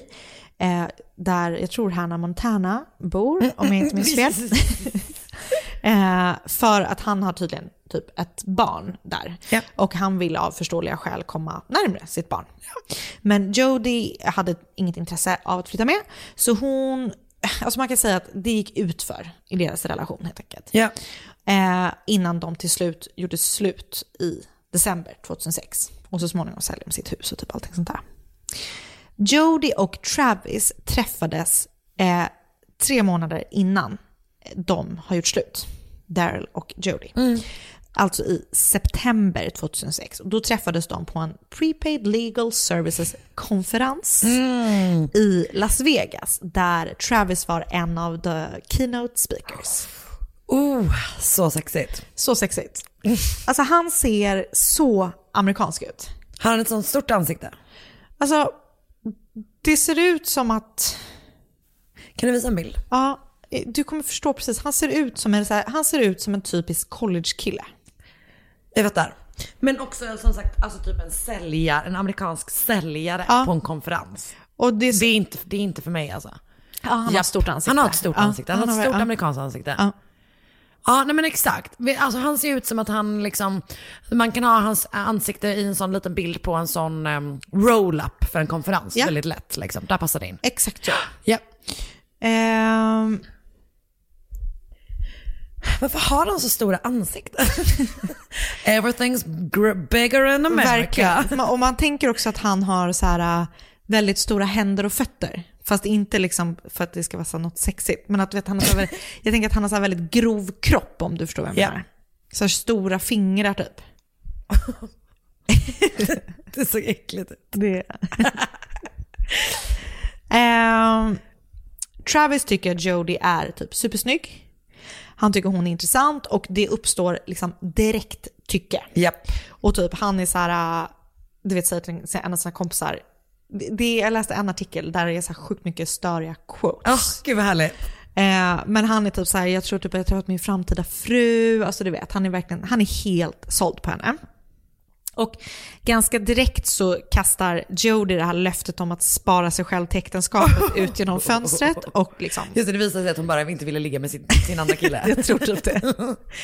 Ehm, så att de liksom, de typ blir jättekära. Men han var också mormon va? Ja, Ja. Mm. exakt. Japp. Så han ska ju egentligen inte heller typ ha sex, tror jag. Vad Det- ska man göra? Jag tror att det går åt båda hållen. Alltså gud är okej med om man är riktigt kåt. Alltså, och jag tror typ, apropå vad som är sex och vad som inte är sex, det finns säkert gråzoner i vad man får göra och inte får göra. Det kommer jag ihåg typ att min kusin eh, som pluggade i Birmingham Ja. eh, med jättemycket så här eh, tjejer från kanske typ eh, från Irland och så. Eh, att hon bara, nej alltså de hade ju analsex många av hennes kompisar där och bara så här bara, it's not sex. Det är det jag menar. Det känns som att man hittar sätt att ha sex som inte är typ det traditionella snopp och eh, eh, Vagina. vagina Mm. in och ut sex. Exakt, bra beskrivet. Tack för det. Det är så jag kommer prata. Det är så du dirty talkar. det är så jag kommer prata blommor och bin med mitt barn. Jag tror att du redan gjorde det nu. Hörde du det? Det finns mycket Det andra klart, saker. Ehm, ja. Ja. Det finns mycket andra saker. Ehm, De ligger. de börjar ligga med varandra. Ja. Och det verkar liksom vara väldigt mycket fokus på sex. Ja. Sen vet man ju typ inte heller om det är så här, tidningarna som gör allting till att så här, det är typ bara fokus på sex. Eller så var det det. De är, uppenbarligen, de är riktigt tända på varandra. Ja. Det vittnar typ kompisar om och sånt där också. Och det är det jag säger. Oj, vilken bubbla i halsen. Och hon har också ett amerikanskt utseende för hon har liksom på en del, ganska många bilder en sån här tunn lugg du vet. Som de Japp. har i, ja. En sån lite så Tonya Harding-look. ja. Eh, Och typ som alla hade i Jenny Jones. Japp. Ehm, när de träffades då, liksom, vid det här tillfället, då bor han i Mesa. Jag vet inte om det uttalas så, för det är inte ett Z, vilket jag fick det att låta som nu. Eh, Men i Arizona. Och hon bor i Rica i Kalifornien. Okej. Så de inleder typ ett distansförhållande och börjar åka så fram och tillbaka till varandra och ses ändå ganska mycket. Ehm, och när de inte, ursäkta, kunde ses, Det är lugnt. Du behöver inte be om ursäkt för din kropp. Tack. Eh, och när de inte kunde ses så pratade de typ i telefon med varandra hela tiden och de mejlade med varandra. Och tydligen så var det så många som 8 82 000 mejl som gick fram och tillbaka mellan de här två. Och hur många relation. nämnde penis kontra vagina? Jag tror att det var ganska, det var liksom typ de skickade bilder till varandra, alltså det var väldigt så här. äh, Och jag tycker att de känns äckliga. jag vet. Jag, jag, jag vet. Snuskigt. Och det Och känns... sån konferenssnuskigt, det är Ja. mitt värsta snusk. Och, och också, nu har ju inte hon eh, växt upp som mormon. Nej. Eh, men det känns också så äckligt att han är så här eh, jätteaktiv och så troende och typ så här ska spara sig själv till äktenskapet. Men egentligen så är han typ bara så här, kollar på asmycket porr och typ så här gillar... Vet du att han gör det? Nej. Nej, det har du hittat på. han, behöver inte, han behöver inte kolla på porr, han, Nej, har, han ju har henne. henne. Han läser ju sin mail. Ja, dagens porrmail från min flickvän. Ehm, men de är typ bara tillsammans eh, fram till juni 2007. Så de träffas i september 2006 och sen så runt juni 2007, alltså typ drygt ett halvår efter de har träffats, ehm, så gör de slut med varandra. Okej. Men de fortsätter att träffas och typ ha sex med varandra ändå. Ja. Så att de har gjort slut men, eh, men ligger ändå med varandra. Ja, och nu är de typ någonstans, lite så KK. Exakt, och jag läste någonstans då att eh, han har haft så väldiga samvetskval för att de ligger med varandra fast de inte är gifta. Och att så här, alltså det verkar ju inte ha stoppat dem, men att, att typ så här, han har samvetskval för det och typ det har också så diskvalificerat henne från att bli någon som han kan bli seriös med Just det. för framtiden. typ så. Också den grejen som är så man bara, nu har hon alltså gjort det tillsammans med dig och nu ser du ner på henne för Exakt. att hon har gjort det som du också har gjort. Exakt så. Perfekt. Det är vidrigt beteende. Eh, och eh, det dröjer typ inte särskilt länge innan han börjar dejta andra tjejer, liksom efter att han gjort slut med henne. Eh, Samtidigt som han typ fortsätter att ligga med henne när det passar. Ja. Eh, och jag vet inte om han, vad han har för sexliv med de här andra tjejerna. eh, Raunchy. Man kan säga så här, hans inkorg håller på att bli full. Säkert. Ehm, men, men Jody var liksom, enligt honom då, så det som han berättade för sina kompisar, jättesvartsjuk. Eh, och han misstänker henne för typ, alltså, gjort helt så galna grejer, typ att han, han, ehm, hon ska ha skurit sönder hans bildäck flera gånger. Att eh, han, han misstänker att det är hon som har skickat så hotmail, både till, gud vad kul att hotmail blir hotmail. Hotmail. Aldrig tänkt på det. Eh, kanske för att jag inte skriver det så ofta. Nej. Men eh, att hon skickar hotmail till både honom och till de här tjejerna som han dejtar från typ någon sån här random mailadress. Han är också helt säker på att hon har krypit in genom en kattlucka i hans hus när han låg och sov. Och jag vet inte varför, om han, liksom, var han har fått ifrån. Men man ska inte ha en sån lucka. För folk kommer in genom sådana. Vad är det för läskiga folk som kommer in i en sån? Jag vet inte, men uppenbarligen kan det hända. Och även, kommer du inte ihåg i så väldigt Scream? smala axlar. Ja. Eller hur? Ja. Det är där man, i mitt fall höfter med. Ja. Men i ditt fall magen lite kanske. Bonk. Men sen kommer vi kunna skicka in ditt barn. Men kommer du inte ihåg i Scream när Drew Barrymore ska rymma ut genom hundluckan i garagedörren? Nej. Nej. Vad händer? Spoila. Okej, är faktiskt, man kan inte spoila en typ 25 år Nej, gammal film. det kan man faktiskt inte. Ehm, och det händer i de första fem minuterna. Nej men hon ska fly ut genom eh, garageluckan. Ja. Och han, mördaren eh, i Scream Mask, Ja. samtidigt som hon är mitt i luckan, Luckan, ja. så drar han upp Nej, garagedörren Ah. så hon kläms typ ihjäl. Oj, dör hon så tidigt? Hon dör i första scenen. Mm, Har du inte sett Scream? Alltså jag, var ju, jag är ju rädd för Scream. Ja. Det går ju inte. Nej. Är det här den första? Första. Jag tror att jag satt den på någon sån, alltså du vet, innan jag vågade säga att jag inte ville se Ja. den. typ. För hon så här poppar i popcorn och är ensam hemma typ och väntar det. på att hennes kille ska komma över och så Just det. ringer det. Och sen så, du vet någon bara "Wah!" Den kända scenen. Just det. Som att jag glömde bort vad vi var och vad jag gjorde för någonting. Just det, ja. Mm. Just det, ingen kattlucka, hon hade en kattlucka. Ja, nu har jag backtrackat. Han tror att hon klättrade, in genom kattluckan. Där var vi. Exakt. Ja, bra. Mm. Eh, Okej, det, var- det här var så konstigt allting. Ja. Eh, Okej, jag kommer aldrig ha en sån i alla fall. Nej, jag kommer heller aldrig ha katt. Nej, så det men kanske eh, så det, det löser sig. Mm. Eh, Okej, men trots att han då typ dejtar andra tjejer och att han pratar om henne som att hon är, alltså, Psykotisk. alltså verkligen. Och det är också där typ att, prosit. han, apropå så störiga quotes, så är det också massa så här uh, quotes, du vet när han är så här till sina polare och bara var inte förvånade om jag typ inte dyker upp, upp på söndag för då är hon typ, du vet, så här, du vet att han säger massa störiga, alltså vet. Okej. Ja. Ehm, men, men de fortsätter då att ses och ha en relation typ, alltså i hemlighet. Ändå. Så att de fortsätter typ att du vet, resa ihop eller du vet, göra så här helggrejer ihop och ligga med varandra. Men han Dejtar andra och tycker att hon andra. är galen för Ja. att hon är svartsjuk. Ja. Och det är väl då typ som, tror man då, för att liksom hon har då, hon, hon är inte en lämplig mormonhustru för honom typ. Okej, ja. Eller han är väl inte kär i henne typ. Nej, nej. Eh, men tycker typ, alltså gud, man har väl varit den tjejen. Tänker jag också, Ja. typ, in, utan, att, utan att vara mormon. Att man liksom blir, att, att en kille som man typ själv tycker jättemycket om, inte, inte... Är inte intresserad av en på det sättet. Typ. Exakt. Men det är också den grejen som är så här, man fortsätter typ dejta den tjejen, man fortsätter ligga med henne och sen bara hon är helt galen, Alltså, hon typ det- tror att vi har en grej. Så man bara, "Men det vi har ju en det." grej. Exakt. Vad störigt. Det är så jävla Okej, jag blir störigt. typ Ja, man, svettig jag ja, blir man blir arg. irriterad. Man blir arg faktiskt. Men den här hemliga relationen pågår då fram till juni 2008. För då verkar det som att hon har tröttnat på att vara hans hemliga tjej och flyttat, hon flyttar hem, ja precis, hon har flyttat till Arizona för att typ komma närmare honom. Då. Ja. Men då, till slut så är det bara så att hon bara, faktiskt, I'm out of here, jag flyttar hem till Kalifornien igen.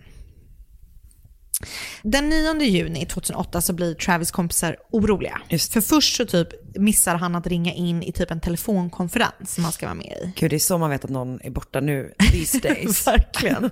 Uh-oh. Uh-oh. Ehm, och då är det typ att en av hans kompisar, eller det, här, det kanske hände några dagar innan, för det är typ en av hans kompisar typ ringt och talat ett meddelande på hans telefonsvar och bara så här “You better be dead pal, cause you just missed out on this conference call, bla bla bla”, typ så. Mm.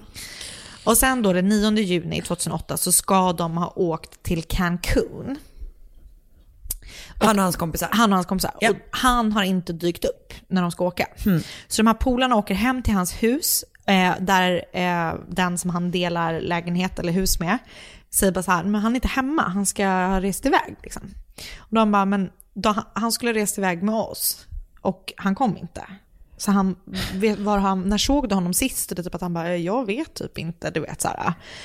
Eh, så att de bara så här, okej men vi måste, vi måste titta i hans rum om vi hittar några tecken. Typ. Så de går till hans rum. De känner på dörren. Dörren är låst. Och när de till slut kommer in i rummet när de till slut kommer in i rummet så hittas då Travis mördad i sin dusch inne i hans liksom egna badrum. Du vet så som det är ofta i amerikanska hus att man har. Ensuite. Mm, precis. Sa inte du att du hade läst hans blogg? Jo. Ja, han skrev den innan? Ja. Okej. Jag fick inte ihop det här. Den finns eh, kvar. Oj, oj. Ja. Eh, Jag ska säga vad den heter sen. Ja. Ehm, Okej, så han, de, han hittas i sitt bad? I sitt- I sin dusch? Han har blivit huggen med en kniv 27 gånger. Någon har skurit i hans hals och han har blivit skjuten i baksidan av huvudet. Han, Oj jävlar, vilket övervåld. han har blivit utsatt för sånt sjukt övervåld verkligen. Eh, och du vet, det är så här, eh, flera alltså, stora artärer och ven, alltså sånt som man, jag typ inte riktigt vet vad det är. Som har gått sönder. Liksom. mycket blod. Mm. Obducenten säger däremot att det är möjligt, man, han kan inte riktigt avgöra det verkar men det är möjligt att han var död redan innan han blev skjuten i huvudet. Så att han liksom har gjort det, eller att gärningsmannen har gjort det. ehm, Efteråt. efteråt liksom. Travis har också eh, jättemånga så här försvarsskador på sina händer. Vilket är min läskigaste skada typ. Ja, också när det är så fruktansvärt många knivhugg, det är panik. Så jävla läskigt. Man får hoppas att, eftersom det var så många sådana stora som var träffade så får man hoppas att eh, han dog ganska, Ganska fort. fort, ja. Ah, fy fan hemskt. Usch. Polisen börjar såklart genast utreda vad som hänt, för det är liksom ett sånt uppenbart mord. I badrummet så hittar de alltså massa bevismaterial. Ja. De hittar, eh, först och främst hittar de så blodiga handavtryck på typ väggarna. De hittar också så långa hårstrån på golvet och på väggarna som uppenbarligen inte tillhör honom. Liksom. Och i tvättmaskinen så hittar de en digitalkamera. Va? Ja. Jättekonstigt. Okej, ja. Mm. Det som är lite märkligt är att bara några timmar efter att poliserna hittat Travis mördad så hör Jody av sig till polisen för att typ höra vad som har hänt. Hon berättar då liksom självmant att så här, de, har kort, de har träffats kort typ eh, antingen samma dag eller någon dag innan han har blivit mördad. Eh, för att hon har typ stannat till där på väg, när hon var på väg till Utah för att träffa en kille som hon dejtar nu. Okej. Ehm, så hon har liksom typ hyrt någon bil som har hon kört förbi Arizona. Så Alltså tänkte jag kan ändå gå in och säga hej. Typ så. Mm. Och sen så har hon åkt vidare till Salt Lake City, i, eller jag tror det var det. Där hon nu har dejtat en ny kille. Där hon dejtar en ny kille. Eh, berättar hon då. Eh, polisen säger då när de pratar med henne att så här, det är flera av dem som vi har pratat med, av hans vänner och familj som typ har nämnt ditt namn. Och de typ tycker att du verkar vara misstänkt för att typ han, Travis själv, har uttryckt det liksom, under Ja. tiden han fortfarande levde, att han var lite osäker på var han hade dig typ. Och hon var så här, nej men jag, jag har träffat honom liksom i samma veva, men jag har ingenting med mordet att göra. Alltså en grej som är så jävla deppigt med det här, det känns som att han på riktigt var rädd för henne. Men typ inte var riktigt kapabel att uttrycka att det på uttrycka det typ till Nej. sina typ kompisar utan att istället bara så bara I might show up dead guys. När det egentligen är typ så här, fan jag är typ rädd för den här tjejen, kan ni Exakt. hjälpa mig?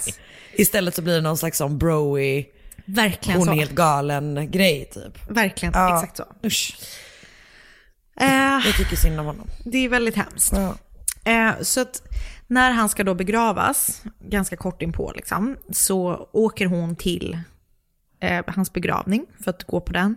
Hon fixar med typ någon så här fin blombukett som ska ligga vid kistan och du vet så här, eh, hon skickar ett långt brev till Travis farmor som har uppfostrat honom där hon typ så här uttrycker sin sorg och hur mycket han har betytt för henne och du vet så. Hon skriver massa så fina saker om honom på sin MySpace-sida. Eh, och du vet, hon beter sig liksom så här, eh, ja, som en sörjande. Ja. Närstående. Exakt. Ja. När hon är där i Mesa, som det kanske heter, Arizona, så går hon också med på att polisen ska ta hennes fingeravtryck. För det vill de göra. Eh, och under tiden som allt det här händer, det här sker ju på typ ganska kort tid såklart, så undersöker ju polisen liksom allting som de har hittat på platsen. Typ den här då, digitalkameran. um, för att på digitalkameran så finns det bilder, dels raderade bilder som de lyckas återställa, men också bilder på Travis och Jody. Och det är typ så här sexiga nude pics. Och även bilder när han typ är, jag vet inte om det är att han är mördad, men det finns typ bilder du vet när man bara så helt plötsligt byter sinnesstämning typ. Så det är bilder från den dagen som han har blivit mördad liksom. På de två tillsammans. Jag tror att jag har sett några av dem. Mm. Ja. Lite läskigt. Ja, extremt obehagligt. Det visar sig också då att handavtrycken som de har återfunnit i badrum, badrummet visar sig tillhöra både Travis och Jody. Och de var i blod? Ja. Men, ja okej. Mm. Nej, alltså det är ju väldigt liksom konstigt, konstigt av henne. Exakt. Eh, och samtidigt så, eh, och, och det här hårstråna, det är hennes DNA. Alltså du vet, så här, allt bevis finns i badrummet.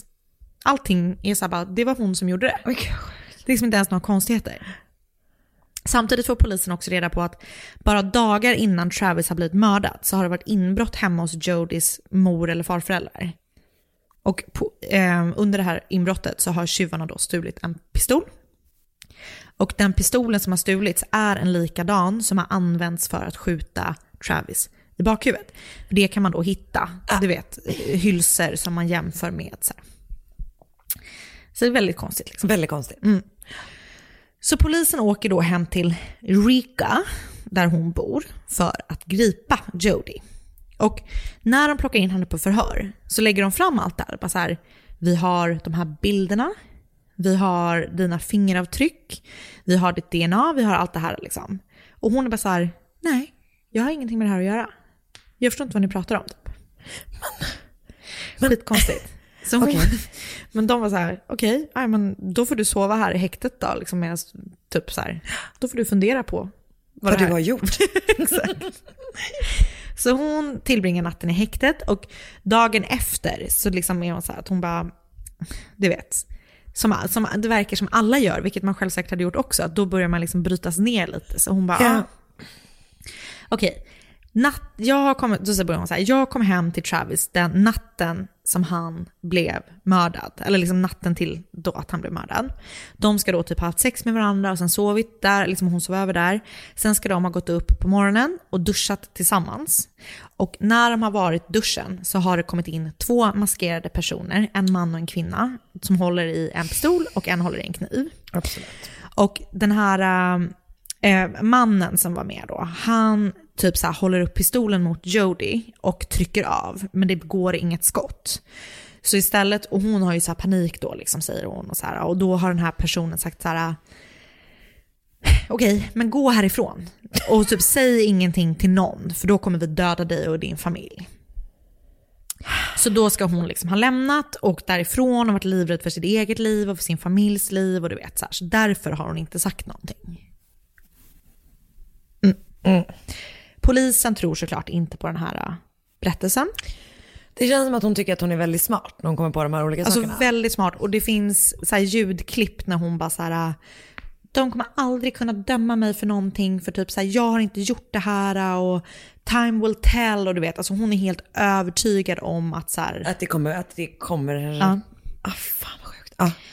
Men eh, polisen tror då inte, såklart inte på henne, utan hon grips och åtalas för mordet på Travis Alexander. Hennes rättegång, och så, och så först då så tänker hon, typ som all liksom, idioter gör, att hon ska företräda sig själv. Men det verkar som att hon har en advokat sen när det väl kickar igång. Ja. Liksom. Hennes rättegång börjar däremot först den 2 februari 2013. Och när hände? Det här hände 2008. Oj! Mm, jag vet inte varför det har tagit så lång tid. Vad konstigt när det finns så mycket bevis. Mm. Jättekonstigt. Mm, Okej, okay, ja. Um, så hon, när hon väl sitter där i rättssalen för att vittna, då berättar hon en tredje historia. Liksom först var det att hon inte hade någonting mer att göra, sen var det då att hon hade... De här maskerade? Exakt. Ja. I rättegången så, så erkänner hon att hon har mördat Travis. Hon säger att anledningen till att hon har gjort det är för att hon, alltså att det är självförsvar. För att han ska tydligen ha blivit helt galen av ilska när hon har tappat den här digitalkameran i tvättmaskinen. Okej. Okay. Hon berättar också, jättekonstigt, ja. men hon berättar då att så här, det var inte första gången han har varit våldsam för, mot henne, mm. utan han har då misshandlat henne. Och jag vet inte, det är liksom abuse, jag vet inte om det är... Men antagligen är det ju allt våld, möjligt liksom. säkert. Liksom. Ja. Mm. Um, uh, och hon berättar också att hon har sett honom onanera till barnporr. Det finns Inga, inga bevis för det. Nej. Alltså det finns inga bevis att han någonsin har varit våldsam mot henne. Det finns ingenting som tyder på att han ska ha haft så barnporr Nej. i sin dator eller du vet haft något intresse för det överhuvudtaget. Så hon, hon försöker mer kanske bara... Hon försöker bara liksom tala ner honom ja. för att få liksom skapa sig själv, liksom ja. chans för sig själv och, gå fri typ. Och då, precis, och som jag sa, det finns klipp då när hon är helt så här, polisen kommer förstå att det här var självförsvar, de kommer aldrig kunna gripa, eller vet, så här, fälla mig för mord, bla bla bla. Hon måste ju tro på det själv. Alltså, och det tänker jag typ att hon gör. Ja. För, alltså, tänk att hon har suttit fem år och bara intalat sig själv den här historien. Så bara, bara, bara det blir rättegång, de kommer tro på mig, det exakt, kommer vara lugnt. ja men det kommer vara helt lugnt. Rättegången pågår i 18 dagar. Ah.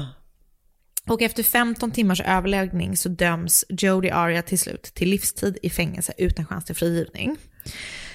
Två personer i juryn ville att hon skulle dömas till döden, men det verkar som att så här, eftersom de inte kom överens så blev det då. Men är det inte domaren som bestämmer vad det blir för straff? Det kanske är olika mellan olika stater. Det, jag vet faktiskt inte. Jag trodde att det var juryn som bestämde huruvida eh, man var skyldig eller inte och domaren bestämde straffet. Ja, så kanske det är. Men jag kan också hitta på det och som sagt det kan också vara olika mellan olika stater. Jag vet faktiskt inte, men de var i alla fall oense ja. i juryn. Så det kanske var så. Och då, så var, då var domaren typ så här, då blir det livstid. De kanske har en, lägger in en rekommendation. Precis, ja. så, så gjorde de. Ja. um, hon själv då blir helt chockad över den här domen och efter att domen föll så sa hon Uh, I was really hoping the jury would see things for what they, what they are. I didn't expect to walk away. I knew that was a possibility, a slim chance. In a parallel universe somewhere, but certainly not first degree. Så hon är helt övertygad om att hon ska bli fälld för typ så här dråp eller du vet självförsvar eller jag, jag vet inte vad det kan finnas för olika domar. Men hon är helt säker på att hon inte skulle dömas för Överlagt mord. mord. Och hon, det verkar liksom som att hon tror då att hon till och med skulle kanske kunna bli frigiven för att det var ju självförsvar. Men det är ju helt sjukt. Ja. Hon sitter just nu på Perryville Prison och väntar på att, alltså jag läste en artikel som var publicerad 13 februari 2020. Hon sitter nu och väntar på att få hennes överklagan prövad för hon liksom själv står fast vid att hon är, alltså att hon Det inte har är mördat så honom. sjukt. Mm. Det är så sjukt. Ehm, så det var då mordet på Travis Alexander. Men... Och eh, det finns som sagt hur mycket som helst. Det finns jättemånga dokumentärer. Eh, Det här är verkligen ett klassiskt fall. Liksom. det är verkligen det. Och jag har tyvärr inte hunnit se någon. Jag, jag började titta på, liksom att jag skulle titta, men jag hann inte. Däremot har jag lyssnat på en podd som heter Twisted. Det är nummer, avsnitt nummer 61 som heter Murder of Travis Alexander. Eh, jag har läst då hans blogg som heter travisalexander.blogspot.com. Eh, och sen har jag läst lite olika artiklar, bland annat ABC News på ABC News som heter Friends warned Travis Alexander about... Är sån så lång? Friends warned Travis Alexander about... That Jodi Arias was dangerous before she killed him. En artikel av Gail Deutsch, Denise Martinez Romundo, Jonathan Baltasar och Anjoli Francis.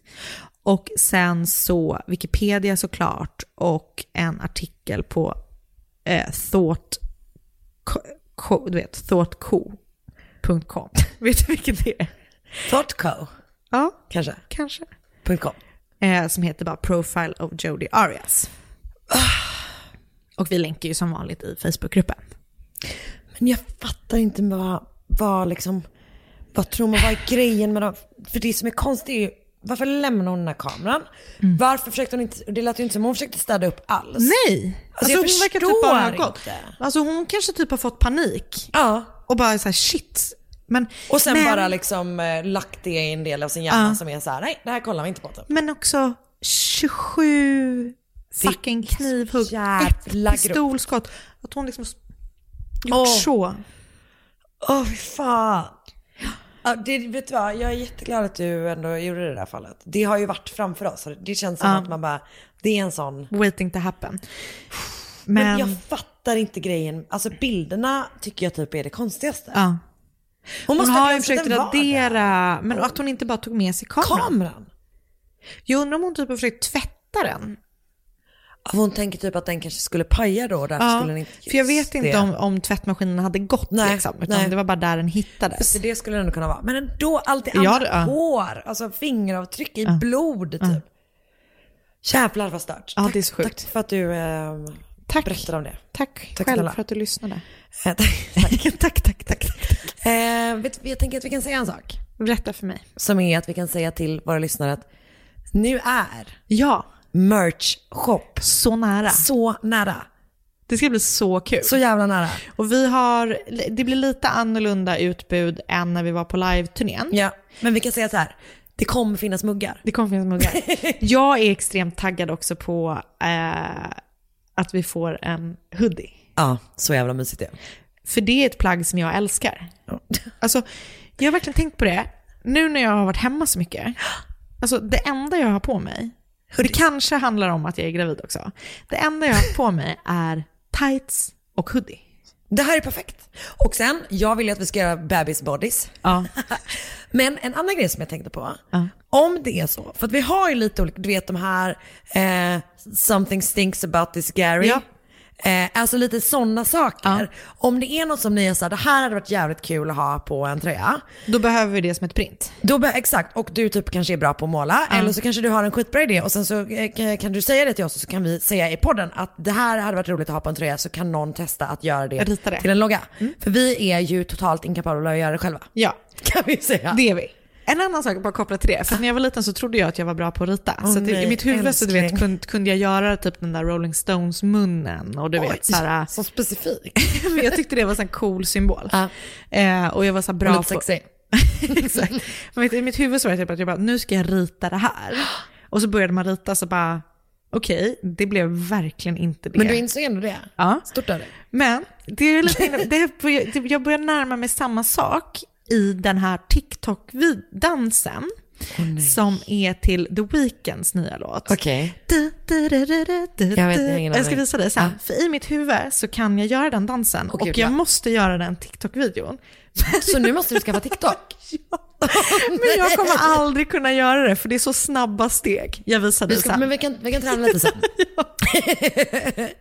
Så snart, håll ögonen öppna inför vår, eh, för vår merch-shop. Ja, exakt. Vi, vi, så fort den är öppen så kommer vi länka till den i Facebookgruppen. Så Ja. kom med där, Mord mot mord podcast. Eh, önska fall på Instagram, uppenbarligen. Om man önskar fall. Så blir de i podden. Ibland. Ja, ibland. Ibland. Gå med i vår Facebookgrupp, en härlig plats. Exakt. Eh, och så hörs vi nästa vecka. Det gör vi. Hej! Ett poddtips från Podplay. I fallen jag aldrig glömmer djupdyker Hasse Aro i arbetet bakom några av Sveriges mest uppseendeväckande brottsutredningar. Går vi in med hemlig telefonavlyssning och, och då upplever vi att vi får en total förändring av hans beteende. Vad är det som händer nu? Vem är det som läcker? Och så säger han att jag är kriminell, jag har varit kriminell i hela mitt liv men att mörda ett barn, där går min gräns.